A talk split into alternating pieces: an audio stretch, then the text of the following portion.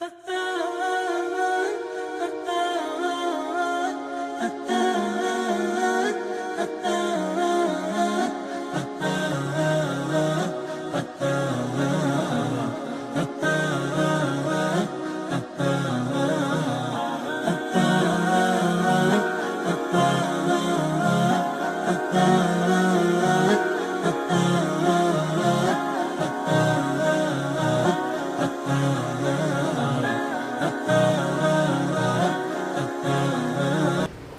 إن الحمد لله نحمده ونستعينه ونستغفره ونعوذ بالله من شرور أنفسنا ومن سيئات أعمالنا من يهده الله فلا مضل له ومن يضلل فلا هادي له وأشهد أن لا إله إلا الله وحده لا شريك له وأشهد أن محمدا عبده ورسوله.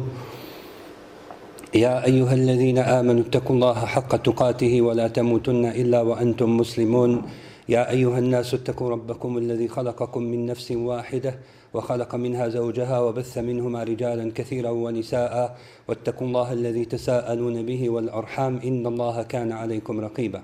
يا أيها الذين آمنوا اتقوا الله وقولوا قولا سديدا يصلح لكم أعمالكم ويغفر لكم ذنوبكم ومن يطع الله ورسوله فقد فاز فوزا عظيما. السلام عليكم ورحمة الله. Uvaženi skupe, braćo i sestre, vi dobro znate da je Allah Želešanuhu Kur'an Kerim posljednju objavu koju je spustio na zemlju objavljivao Rasulullahu, poslaniku Muhammedu sallallahu alihi wasallam u Meki i Medini. E, obe, određene sure mu je objavio u Meki prije nego što je učinio hijđru. Nakon toga, nakon što je učinio hijđru Medinu, objavljivao mu je druge sure. E, Mekanske sure se odlikuju po tome što su e, e što sadrže e, E, ajete koji govore o postojanju gospodara, o tome da samo on zaslužuje da bude obožavan, o tome da e, e, kipovi koje su obožavali mekanski mnogobožci i drugi Arapi, da ti kipovi nisu dostojni ibadeta i tako dalje.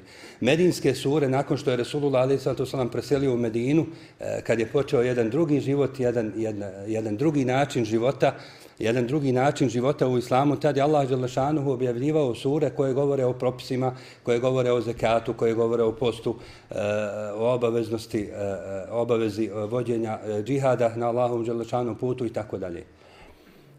Između jedna od sura koje je Allah Želešanuhu objavio u Meki jest sura Taha.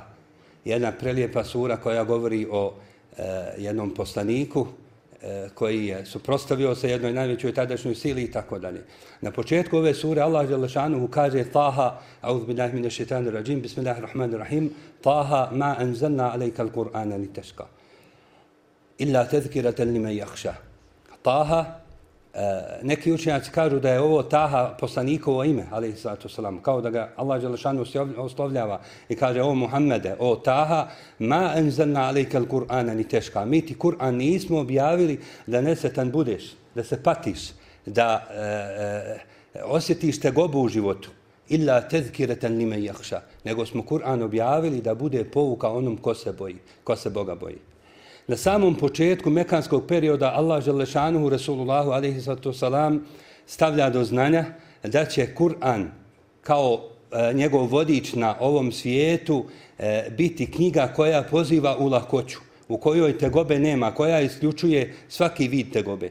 Na samom početku mu je kazao o Muhammede, ti prilikom e, e, dobivanja ove objave koju ti ja objavljujem, nećeš osjetiti tegobu u smislu da će Allah Želešanuhu od tebe zahtijevati da radiš ono za šta nisi sposoban, da se trudiš onoliko koliko ne možeš, da svojim sedbenicima e, propisuješ da ih opterećuješ onim što oni nisu kadri pomoći. Kasnije će Resulullah a.s. kazati Inna Allahe radija li hadihi l-ummeti yusra wa keriha leha l-usr zaista je svevišnji Allah zadovoljan da ovaj ummet, naš ummet, poslanikov ummet, živi u lahkoći, to jest da vjeru uzima sa lahkoćom wa keriha leha usr a mrzi i prezire da vjeru uzimaju sa uh, uh, određenom tegobom. Dakle, da, da uzimaju vjeru, da, da se vraćaju u islamu ili da prihvataju islam i nevjernici koji danas žive u ovo vrijeme, poslije Allah, poljeva Allahova poslanika, ali sato salam, oni se smatraju poslanikovim ummetom.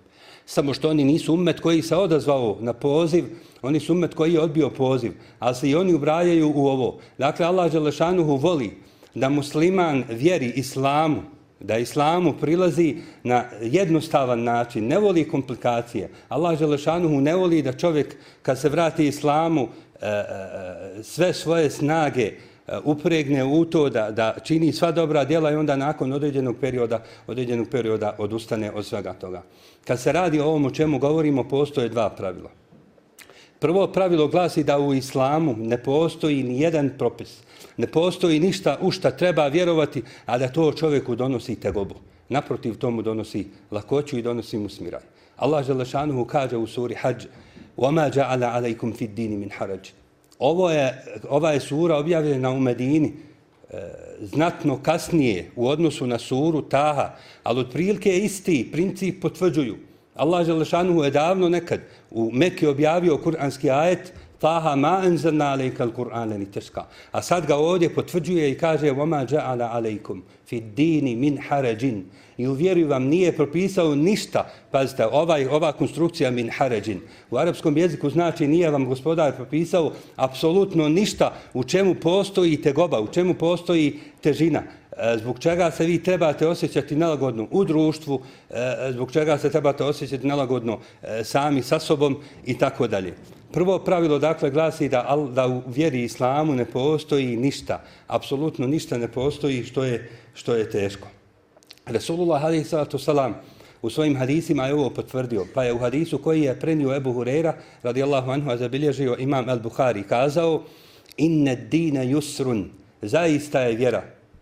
E, u arapskom jeziku kad se želi nešto potvrditi, uvijek se koristi ovo inne. Vi čitate Kur'an i na početku inna Allahe, inna Allaha wa anna Allaha, to su sve potvrde i znajte da je zaista tako, tu nema sumnje u to. E, kaže Rasulullah ovdje, inna dine yusrun, nema sumnje u to da je vjera olakšica, vjera je sama po sebi nešto što je lako. I onda objašnjava muslimanima da je, da je konstrukcije, jer vidite, Rasulullah a.s. nije nikad nije ostajao nedorečen. Ako kaže nešto, on to i objasni i da smjernicu. Ako kaže da je nešto zabranjeno, on da alternativu za to. Inne dina yusun. Vjera je u osnovi olakšica. Islam je savlahak. I onda govori kako će se provesti oni koji budu prekomjerno, koji budu imali previše vjerskog žara i koji taj svoj žar ne budu znali kanalisati kamo treba. Kaže, volen usad dine, ahadun illa galebahu. I niko se neće sa vjerom hrvati, neće se pokušavati vjeri usprotiviti, a da ga vjera neće pobjediti. I ovdje, ovdje u ovom hadisu je kazano ehadon niko. Bez obzira ko bio Arab, ne Arab. Mlad, bio star, bio, po, bio bogat, bio siromašan. Nema šanse da bilo koji čovjek, musliman, e, nastoji pobjediti islam i ovdje se podrazumijeva to da čovjek kaže ovo što je islam. Propisao, to je meni nekako, to bi ja rabi malo, malo je meni danas klanjati. E, 20 i nešto rekeata sa sunnetima i za farzovima, ne ja ću sad o sebe i da smatra da islam nije dao dovoljno koliko treba i da se bori, da se na taj način bori protiv vjere. Na kraju hadisa, Resulullah alaihi salatu wasalam, koji je bio najbolji učitelj i koji je želio svom umetu najveći hajr, harisun alejkum. Allah Đelešanu je za njega kazao da je harisun alejna, harisun alejkum, da jedva čeka, jedva čeka da pođete pravim putem. Sve bi o sebe dao samo da vama bude bolje. I zato će na sudnjem danu poslanici odustajati od šefata, neće imati pravo, neće smjeti progovoriti ni Adem, ni Nuh, ni čak ni Ulul Azm, najodobraniji poslanici koji su bili. Svi će, svi će kazati, svi će govoriti nefsi, nefsi ili lestu leha, lestu leha. Ja nisam dostojan da se zauzimam za toliko svijeta. Ja, danas mi je dovoljno musibeta moram se o sebi sam brinuti. Tad će kad dođe do Rasulullah, ali to sam kad Isa, poslanik, ali salam, pošalje narod, pošalje te ljude kod Rasulullah a.s.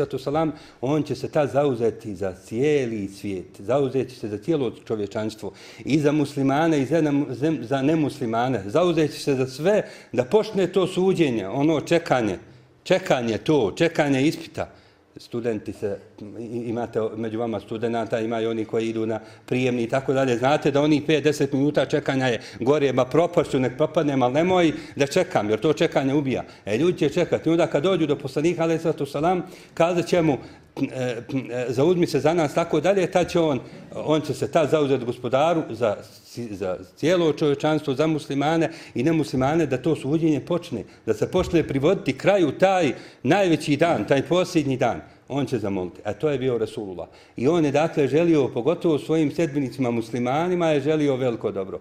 Na kraju ovog hadisa upućuje nas kako trebamo raditi. Kaže nam sedidu u vakaribu. Ovo su, braću i sestre, samo dvije riječi. O ovim riječima mi bismo ovdje mogli održavati e, seminare i seminare. Sedidu u okaribu. Nastojte biti na pravom putu i dajte o sebe onoliko koliko ste vi kadri nemojte srljati. Nemoj kazati ja moram to uraditi. Ono što ti nisi kadar uraditi, ti, što tebi duša ne dozvoljava, ako ti osjetiš da nisi kadar postati svako drugi dan, pa može ti biti haram da se u to upuštaš jer ćeš, jer ćeš na taj način ti sam odustati od toga i možda i od drugih ibadeta kasnije može doći vrijeme da se čovjek onda uzbila tela e, e, e, da, da mu se zgadi i da, ne, da mu bude teško da ne posti na kraju krajeva ni Ramazan. Ono što ti osjetiš da možeš uraditi, ovdje mi govorimo o nafili, ne govorimo o farzovima, farzovi su jedno i on se moraju izvršavati, ovdje govorimo o nafili. Dakle, prvo pravilo je u islamu nema poteškoće nikakve nikakve poteškoće. Nema poteškoće u vjerovanju. E, u istoj ovoj suri Taha kaže se Ar-Rahmanu ala arši stava. Milostivi iznad arša se uzvisio. Mi nismo jedni od onih koji Allahove Želešanu riječi tumače nakaradno i kažu ne misli se na arš, na Allahovo prijestolje jer bi to značilo da je Allah Želešanu sličan stvorenjima i mi onda moramo kazati nije to prijestolje nego to znači da je Allah Želešanu zavladao svemirom. I ti već tu činiš atak na svoju dušu. Ako Allah Želešanu kazao da ima lice, ko ima pravo da se pojavi da kaže, ma nije to lice, nego je to e, Allahovo zadovoljstvo. Nemojte tako shvatiti površno i tumačiti. Ako kažemo da je to tako, onda Allahov poslanik, alaih selam salam, nije ashabima objasnio vjerovanje. On je preselio na bolji svijet i ashabi su preselili, nisu znali da Allah Želešanuhu, da Allah Želešanuhu nema lice. Dakle, vjerovali su pogrešno. Ashabi, ali poslaniku je alaih zlato salam riječ onako kako ih on izgovarao nema otežavanja u islamu, ni u propisima, ni u vjerovanju, ni u međuljudskim odnosima, ni u čemu. To je prvo pravilo. Drugo pravilo glasi da onaj ko se vraća islamu mora dobro paziti. Ovo je ozbiljno. Ovo sad nije, pa možda je poželjno, hajde eto, ako ja fulim, ja ću se ispraviti. Mora dobro paziti kako pristupa vjeri. Mora to dobro paziti. I zato islamski učenjaci kažu, e, e, omladini koja se vraća islamu treba govoriti da čuva snagu zaposli. Treba će poslije snage. Onaj ko je mlad, on ne osjeti sad gripa za, mjes, za dan, dva ga mine, prođe ga gripa. Međutim, kad ostali nakon 40. 50. 50. godine, ta gripa koju je mogo, koju je mogo pobjediti za jedan ili dva dana, kasnije će biti, kasnije će mu treba sedam dana da je pobjedi. E, isto tako i kasnije će trebati malo više snage. Islamski učenjaci kažu omladini koja se vraća islamu, savjet im uputite, to su islamski učenjaci kazali, uputite im savjet, nemojte sve odjednom uzimati, nego polako. Što kažu šoje, šoje, polako. Utvrdi se u jednom propisu. Mi ne govorimo ovdje o farzovima, klanjati se mora. Onaj ko, ko želi da ga vatra ne peče, on zna da mora klanjati, takav će i klanjati i neće namaz izostavljati. Ovdje govorimo o nafilama koji u islamu postoji puno, a koje čovjeka vode Allahovom zadovoljstvu, ali isto tako ga vode izvan okvira islama ako tome, ako im pristupi onako kako se na filama ne pristupa. E, primijetio sam na jednom mladiću da je E, vratio se islamu, alhamdulillah, i on to sad sve po PS-u. Dakle, nema ni mekruha, nema ni, ni, ni ne, izostavlja, ne izostavlja dobra djela, on to sve. I kaže, gdje mu put jedan savjet. I kaže mu, povodeći se za, za savjetom ovih islamskih učenjaka, brate, čuvaj snagu za poslije. On kaže, ja te ništa ne razumijem. Pa ne razumiješ me sad. I bilo bi e, suludo da ja očekujem da me razumiješ. Ali ćeš razumijeti nekad, kada ćeš joj, pa meni je nekad neki Abdrahman kazao, hej, čuvaj snagu, zapusti, treba će ti snaga. E, ovo prihvatanje, ulaženje u islam e, na prečac i e, e, uzimanje od islama onoliko koliko čovjek ne može ponijeti, neizostavno vodi u to da insan bilo kad prije ili poslije odustane od onog što je činio da odustane od tih dobrih dijela. U Medini je, braćo i sestre, bio jedan student. E, e, bio je krajišnik. A to su ljudi, krajišnici su ljudi koji će vas zavoliti za sitnicu, ali isto tako će vas i za sitnicu ganjati roguljama oko kuće. To su takvi ljudi. Znači, nema neke sredine, nego ili ti daje srce ili te mrzi iz srca. Ništa drugo. I e, on je bio u Medini, studirao je, toliko je bio privržen svim dobrim dijelima koja su postojala, da su šejhovi za njega kazali ljudi koji su rođeni u Medini, koji se ne odvajaju od knjige. Ako ovaj čovjek ustraje u islamu, to će biti veliki kerame, to će biti nadnaravna pojava.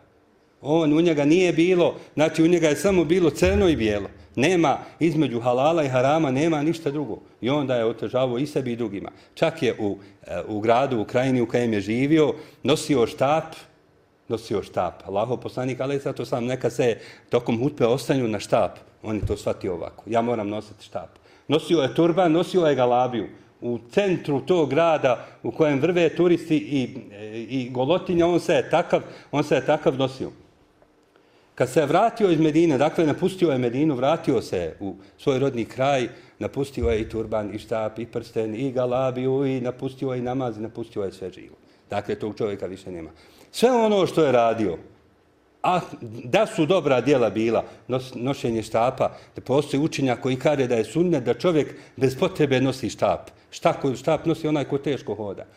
E, islamski učenjaci isto tako kažu, kažu da ne postoji u islamu islamska odjeća.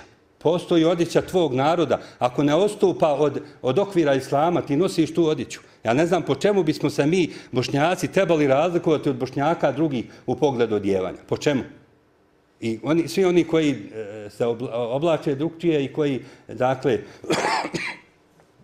e, svojom e, odjećom odstupaju od, od, od, od e, načina odjevanja bošnjaka, trebali bi znati da to što rade, da to nije dobro. U islamu to ne postoji. Čak učenjaci kažu da nošenje duge kose nije sunnet za koji će čovjek biti nagrađen. Arapi su tad imali običaj nositi dugu kosu.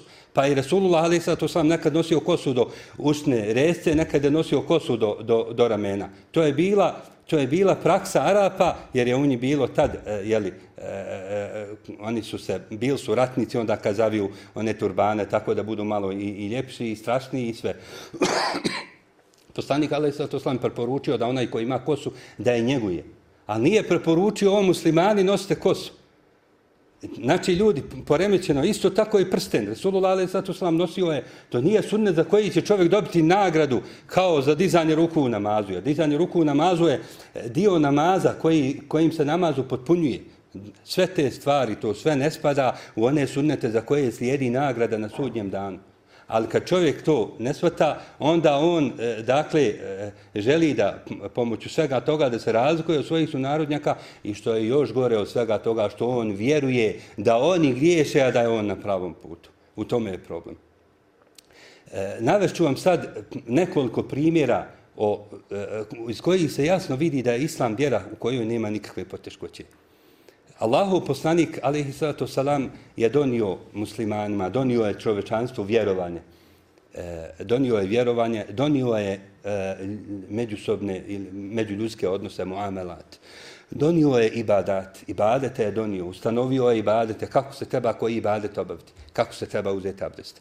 Da nam nije prenijeto u pouzdanim hadisima kako se Rasulullah abdestio, na, na, kako bismo mi znali kako treba uzeti abdest. Sad znamo sve one pojedinosti. Allahov poslanik, ali sad salam je donio dakle islam u cijelosti.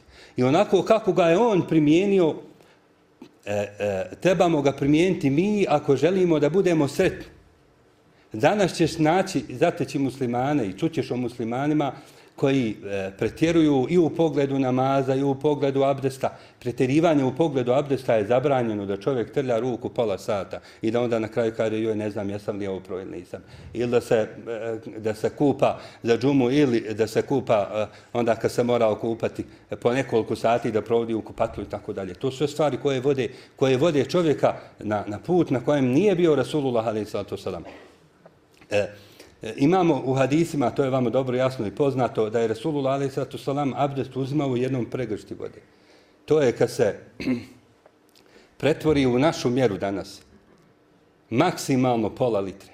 Maksimalno. Dakle, nije ni toliko, ali eto, kazat ćemo pola litre vode. Kupao se je sa, e, kad se pretvori u, našu, u naše mjere sa dvije i pol litre vode.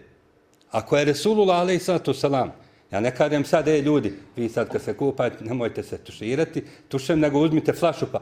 E, dakle, ako je poslanik, ali sad salam, e, mogo štediti vodu, nije on uvijek bio, nije uvijek bila bezvolica, bilo je nekad i da je bilo vode, ali se ograničavao uvijek na, taj, na, taj, na tu količinu.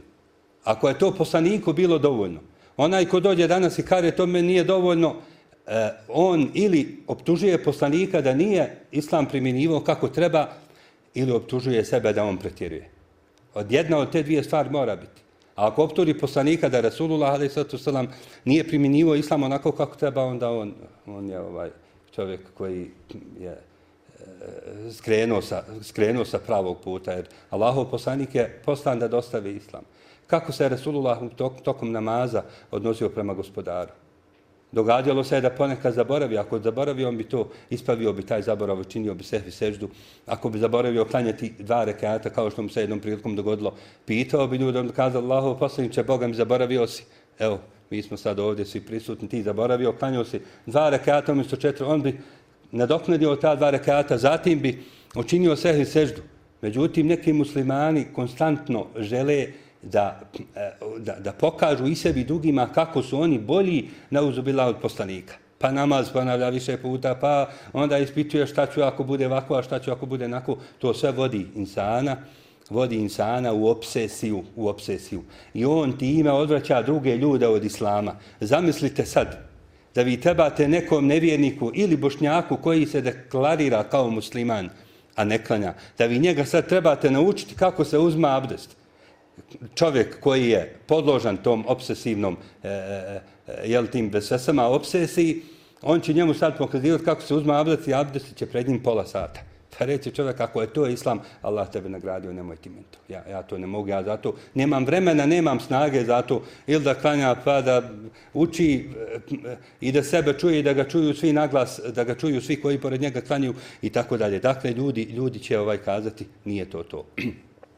Imamo još jedan primjer koji nam govori o lakoći islama.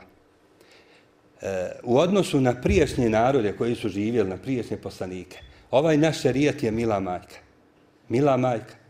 U priješnjim šerijatima, u priješnjim vjerozakonima je tolika strogoća bila da je tad bilo bio muškarac koji je bio musliman i koji je prakticirao vjeru. To je zaista bio muškarac pravi u pravom smislu te riječi.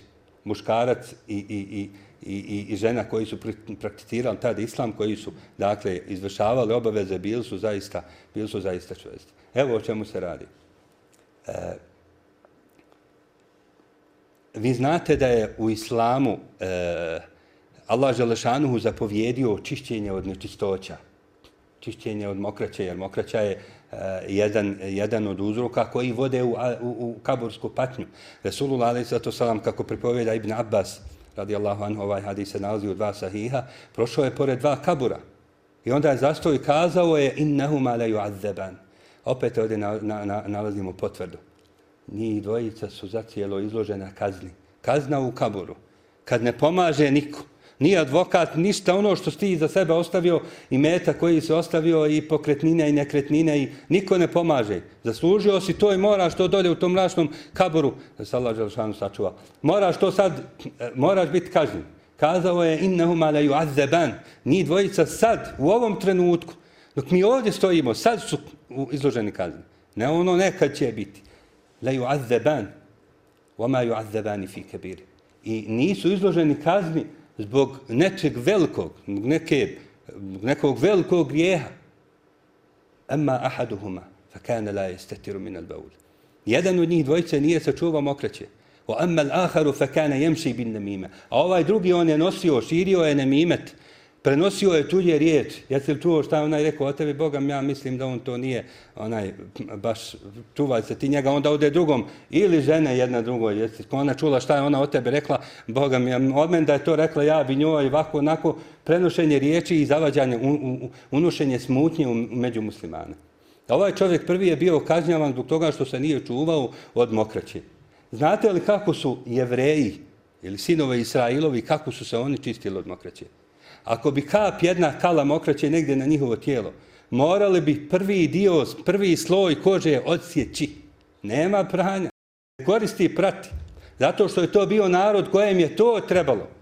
Kao što smo mi danas narod kojem treba uvijek neko držati palcu iza glave i samo dok malo se opustimo da neko udari po glavi. Mi tako funkcioniramo. Drugčije nikako. E tako i ovaj narod je funkcionirao tako. To je bio narod, oni su braćo i sestre. Zamislite da jedan narod vidi muđizu vidi da faraon, neprijatelj, biva potopljen sa svojim vojskama, to svojim očima gleda. I nakon što pređe more, najidje pored neke skupine mnogobožaca koji obožavaju kipa i kažu, o Musa, ja Musa, iđa allena ilahan kema lahum aliha. De nam i ti, de nam napravi Boga da, da ga obožavamo kao što oni Boga imaju. Pa Bog te ne ubio, ko te je spasio od faraona? Ko? Jel taj Bog koji ćeš sad napraviti? E, oni, su, oni su tako radili. Zato je jedan jevrej rekao Ali radijallahu anhu, vaš poslanik nije ni zakopan, a vi ste se posvađali među sobom. A tad mu Ali radijallahu anhu odgovorio, a vaš poslanik, vi sa vašim poslanikom niste ni more pregazili kako treba. Već ste kazali Musa, daj nam Boga, napravi nam Boga da ga obožavamo. Tako je, u, u, u, kod njih je, to je, to je samo jedan primjer, to je samo jedan primjer, vidjet ćemo još iz nekih primjera, kako je Allah Đelešanuhu, kakav je u njih šerijat bio i zato kažem da je naš šerijat mila majka. I ponekad pomislimo da je post, ne znam, ljeti, čovjek posti pa bude teško, ali ljudi, Ramazan prođe brzo. Kad se osvaneš, pogledaš iza za sebe, oni se dani redaju isto koda su sate, a ne dani za, za, za tili čas nastupi i, i posljednja trećina i ganjamo lejletul kadri i kadija i gledamo sunce i zoru i ovo i ono i, i na kraju Ramazan prođe. Ponekad pomislimo, ali pogledajte u kojem su halu oni živjeli. U nas, u našem šarijatu se mokraća čisti vodom i to ne tri puta, nego samo jednom. Nečistoća poput krvi se čisti samo jednom i trag koji ostane na garderobi. Ne smeta, apsolutno, trag koji ostane, boja koja ostane. Ne smeta. Tako je Allah Želešanu dao. Imamo još primjera. Primjer pokajanja. Nakon što je Musa, ali salam, opet se vraćamo na ovaj narod koji je tražio da mu se oteža i da mu vjera bude teška i gospodari tu vjeru njima i otežao. E, Musa, a.s. je napustio, otišao od svog naroda, e, e, požurio je gospodaru da primi objavu. Ostavio je Haruna, brata svog Haruna, iza sebe. Harun je i postao poslanik zato što je Musa alaihi salam činio dobročinjstvo svom svom bratu i rekao gospodaru fa arsil ila Harun, bo arsil ila Harun, daj poslanstvo Harunu, neki on bude poslanik sa mnom. On je, on je najveći dobročinitelj svom bratu po krvi koji postoji na ovom svijetu, jer nema veće počasti od toga da čovjek dobije, vidite, Harun nije dobio vjerovjesništvo, Vjerovjesnik je stepenom ispod poslanika, on, on, on je dobio poslanstvo. Musa je tražio za Haruna ono što je on dobio. Ja, rabbi, daj faraonu ono što si men dao, daj da bude poslanik i da i njemu bude objavljen Tevrat. I zato kad gospodar govori o Tevratu, govori da je objavio njima dvojici Tevrata, ne samo Musa, ali i. Harun i Musa su na istom stepenu što se tiče toga.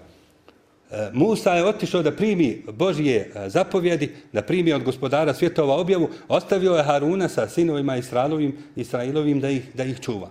Međutim, oni su, njima je e, e, šetan donio ove sve su da naprave Samiri, je napravio zlatno tele od, od zlata koje su oni koje im je pripalo kao ratni plijen od faraona. Napravio je zlatno tele i kako je, dakle, ovaj, vjetar e, prolazio, e, kako je puhao, kako je prolazio kroz to tele, njima se učinilo, činilo im se da to tele riče.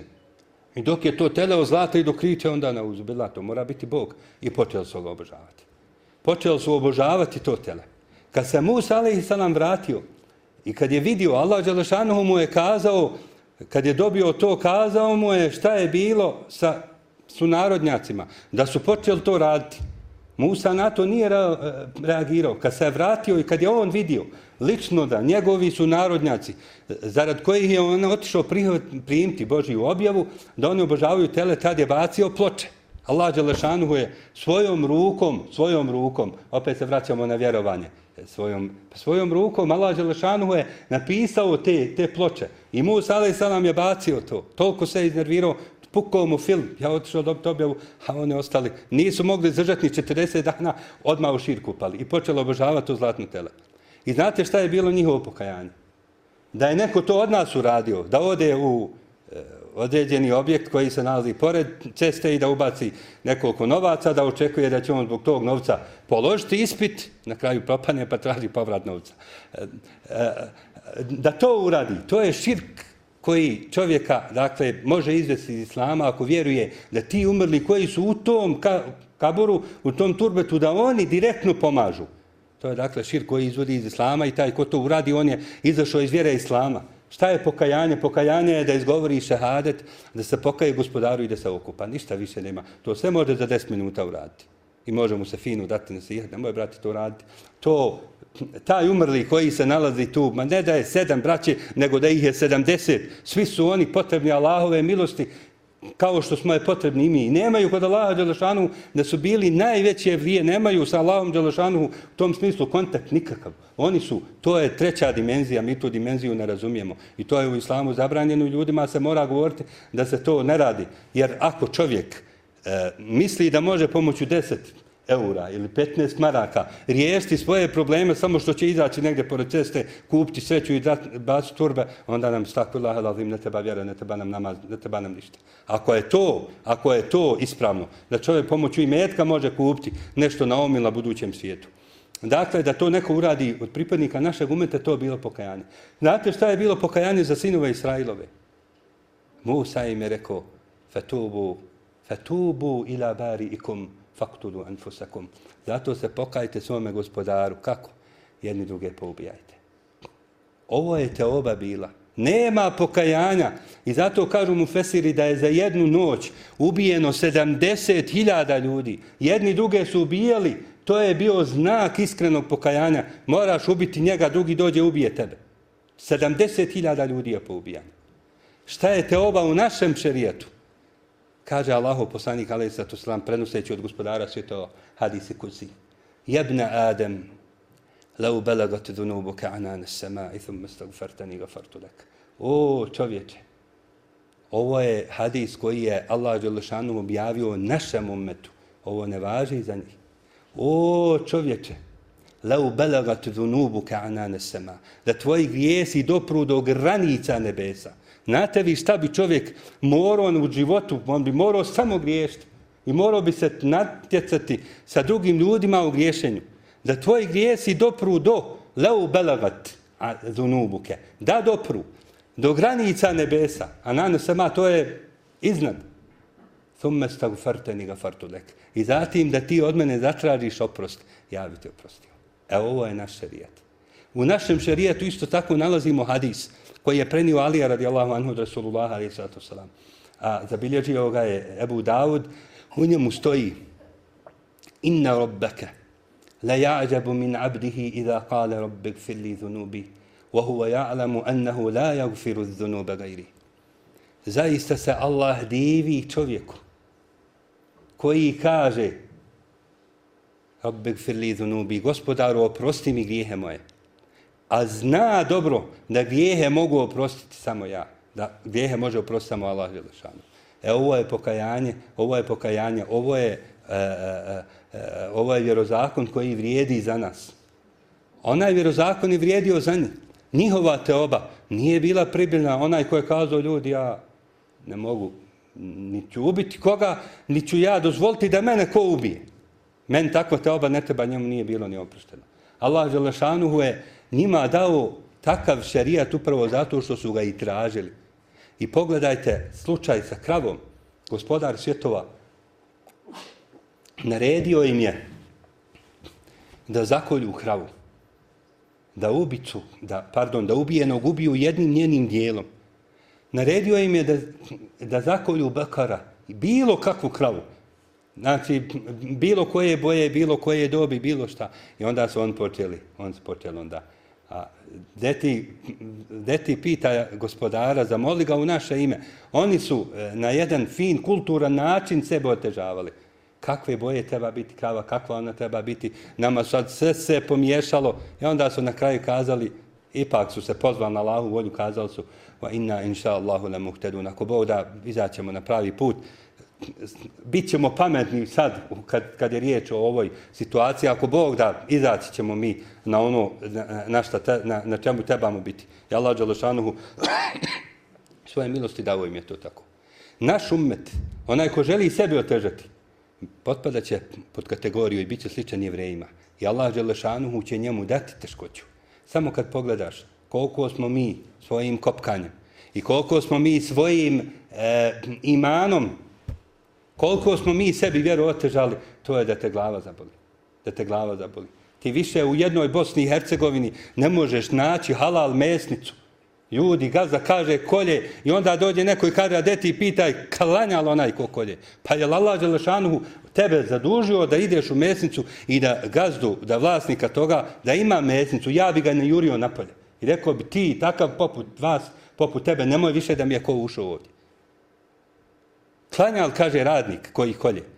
A iša radijallahu anha je kazala poslaniku, Allahov poslaniče, donose na meso beduini, ne znamo jesu spomenuli Allahu ime ili nisu.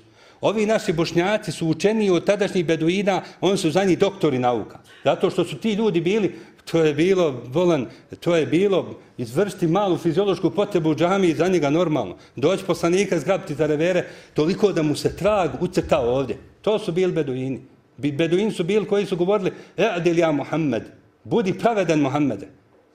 Pa, ashabi kažu, Allahu posljednice dozvoli da mu glavu odrubim, on je munafik. Zamislite koja je to sirovina bila da poslaniku Islama, najboljem čovjeku na svijetu, bolje od Ibrahima, bolje od svih drugih poslanika, da njega ne persira, da mu ne kaže ja Rasul Allah, nego da mu kaže Muhammed i da mu kaže još e'dil ja Muhammed pravedan budi, pravedno dijeli. Taj ratni plijen ne dijeliš pravedno. Onda Rasulullah kaže, o men ja'dilu idlem adil. Ako ja nisam pravedan, ko je pravedan? Nije se osvrnuo na ovo što on nije njemu rekao ja Rasulullah, što ga je, što mu se obratio imenom i tako dalje. Onoliko koliko čovjek bude sebe otežavao islam, toliko će njemu islam biti težak. I toliko će islam biti težak onima koji budu, koji budu oko njega. Šta se sad ne ubraja u, u, u pretjerivanje u vjeri? U pretjerivanje u vjeri se ne ubraja da čovjek klanja pet vakata namaza u džami, da čovjek nosi bradu, pa makar i ona duga bila, da čovjek nosi kraće pantalone do članaka ili malo preko članaka, ne posle kratke da skreće pažnju na sebe. Pretjerivanje u islamu nije to da se čovjek susteže od poslovanja uz kamatu, da se susteže od sumnjivih stvari. Pretjerivanje u islamu nije da djevojka nosi mahramu. Nije pretjerivanje da nosi nikab, jer je nikab zaštita i mahrama prije svega i nikab, to je zaštita za muslimanku danas u ovo vrijeme. E, nije pretjerivanje da se čovjek kloni harama, da se ne upušta ono u što Allah Đelešanu, što Allah Đelešanu ne voli, da se kloni konzumira što šteti duhana, e, nargile i svega drugog što šteti. To nije pretjerivanje u islamu. Međutim, sve ove stvari koje sam ovdje spomenuo mogu biti pretjerivanja kojih čovjek u društvu predstavlja na način, tako na način da on svojim sunarodnjacima, svojim komšijama, svojim prijateljima govori da je on od njih bolji zbog toga što on radi to i to, oni ne rade to i to. Ovo je šetan, šetanova zamka u koju nastoji ljude uvesti. Ili da prakticira sunnet na nesunnetski način. Evo sad sam spomenuo nošenje pantalona iznad članka. Nošenje pantalona iznad članka je sunnet. I poželjno e, e, ima učenjaka koji su kazali da muslima nikako, ni u kojoj situaciji ne bi sebi smio dozvoliti da mu pantalone padaju ispod članka. Ima i oni koji su to dozvolili. Dakle, pitanje je prijeporno. Može se shvati ovako i ovako. Onaj ko nosi ispod članka ne treba ga osuđivati, ne treba govoriti ti si grešnik. Ne treba od njega okretati leđa, ne treba ga sustavati u one onamo, e, a sebe upravo pravovjerne vjerne E, e, dakle, to je kad se radi o tome. I bolje je da se pantalone, ako ništa, da se nose bar na članku, jer ono što je na članku ne potpada pod prijetnju da će biti u vatri. Na članku, ne ispod. Dakle, da je pantalone budu na članku. Pogotovo ako se radi o dijelu i ako čovjek radi negdje, malo je nezahvalno da, da se ističe po tome. Međutim, preterivanje bi bilo da u ovim našim okolnostima, a to sam neki dan svojim očima vidio, e, da čovjek pantalone nosi do pola cjevance na ovakvoj zimi. E to je pretjerivanje u islamu. Zašto? Zato što je to bolja verzija sunneta koju ti u datom momentu nisi kadar primijeniti. Drugo je da živiš, da odeš u Saudijsku Arabiju i negdje gdje je toplo da nosiš pantalone do, pardon, galabiju ili pantalone malo kraće, do, do pola cevance, to je u redu. Ali u situaciji u kojoj se nalaziš ovdje nisi kadar. I nisi kadar narodu objasniti zašto ti radiš to i to. E to je sad bolja verzija sunneta zbog koje ćeš ti odvrati ljude, neke ljude, od islama ili pružati, ili će slikati, ili će pružati. I onda dolazi onaj post prošle godine kad je bilo zima, kad je toliko je hladno da ni vehabije više ne mogu nositi pantalone iznad članka. To može se na drugi način kazati da je zima, jer možda smo i mi nekad svojim dijelima zaslužili da nas ljudi svrstaju i da mi budemo prepoznatljivi po tome zaista se u islamu može uživati i, i, i e, može se sunnet primjenjivati da nikog da nikog ovaj ne e, e, e, da nikog ne bodeš u oči. Evo za kraj e, dva savjeta. Prvi savjet je vi koji ovdje sjedite, koji slušate. Vidim da se mašala radi o mladini i oni koji slušaju sa strane. E, neka znamo svi da mladost ne traje vječno. Neka znamo svi da ovi dani koji se redaju i ovi dani koji slijede jedan drugi odnose dio nas. Insan je takav da neće sebi priznati i da neće kad se pojave sjede vlasi i kad pođe ustajati u tri faze, nekad je mogao skočiti odjednom sad u tri faze, prvo na koljena, pa na stolcu, pa sto, pa neće sebi priznati, međutim mladost prolazi. Trebamo čuvati snagu trebamo čuvati snagu za starost. Jer šta smo uradili? Ako sad u mladosti ispucamo svu tu snagu i ako kasnije nam bude mrsko na uzubila klanjati te farzove koji budu. Šta smo uradili? Ne karim da će Allah Đelešanu poništiti ta djela, ali je bolje da ostane snaga i ako čovjek uzme da, da, da e, e, prihvati od Islama onoliko koliko on može od tih dobrovoljnih djela i da to, da to, drži, da to drži do svoje smrti. Abdullah ibn Amr, radijallahu anhu, jedan stafeti mladić, jedan veliki gazija, koji je živio za vrijeme Allahova poslanika, ali i sallatu salam, i pričao je nešto zanimljivo. Ovo je zabilježeno u Sahihu al-Bukhari. Kazao je, do poslanika je doprlo da sam ja izjavio od sad ću postiti svaki dan i klanjati cijelu noć. I kada je Rasulullah me pozvao i rekao, jesi li ti to izjavio?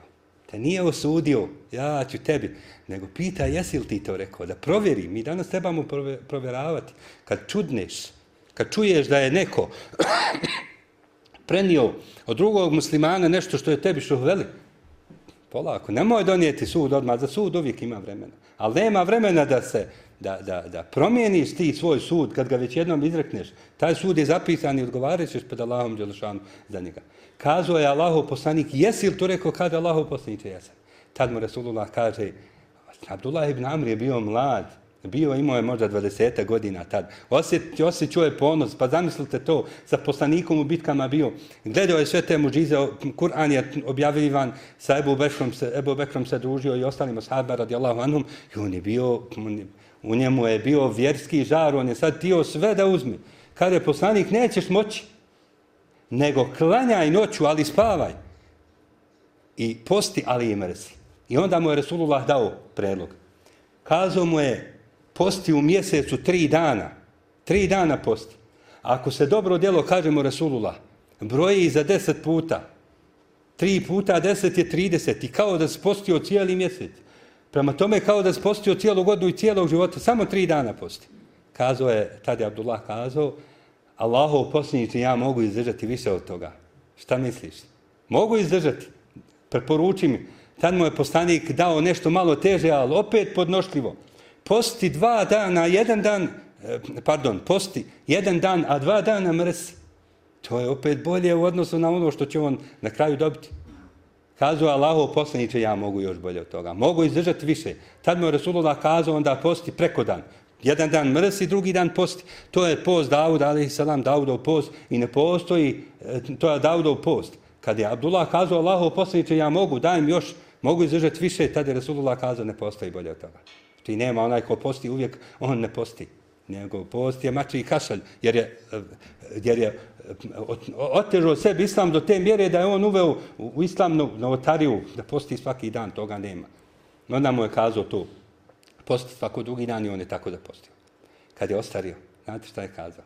Abdullah radijallahu anhu. Kazao je kamo sreće da sam prihvatio poslanikov save da postim tri dana u mjesecu. Nije čak rekao ni ono da postim jedan dan, a da dva dana mrzim. Zato što, su ga, što ga je vrijeme istrošilo, i u pogledu ibadeta.